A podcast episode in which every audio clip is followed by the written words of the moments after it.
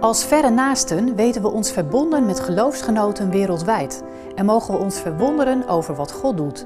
Maak vandaag kennis met Shiva, 29 jaar en woon in India.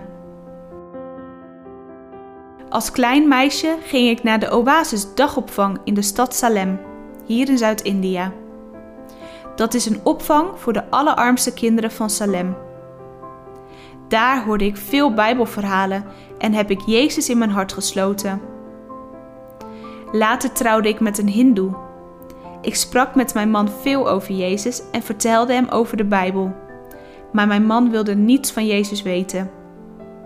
Totdat mijn broer Koenmar bij ons in huis kwam wonen. Hij woonde twee jaar bij ons en vertelde mijn man veel over de Bijbel.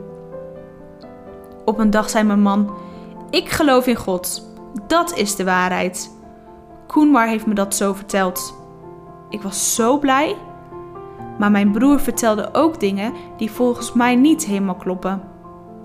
Bijvoorbeeld dat Jezus binnenkort al terugkomt. Nadat mijn man tot geloof was gekomen, spraken we veel erover.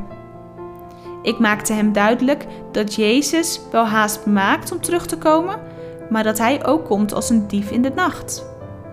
We weten niet wanneer dat is. Door alle tegenstand die we in India ervaren, was ik nog niet gedoopt. Nu geloven we samen, als gezin, en zijn mijn man en ik samen met onze kinderen gedoopt. Ik hou van Jezus. Voor Hem wil ik goed leven en kom ik later in de hemel. Vaak dank ik God dat ik het geloof heb gekregen.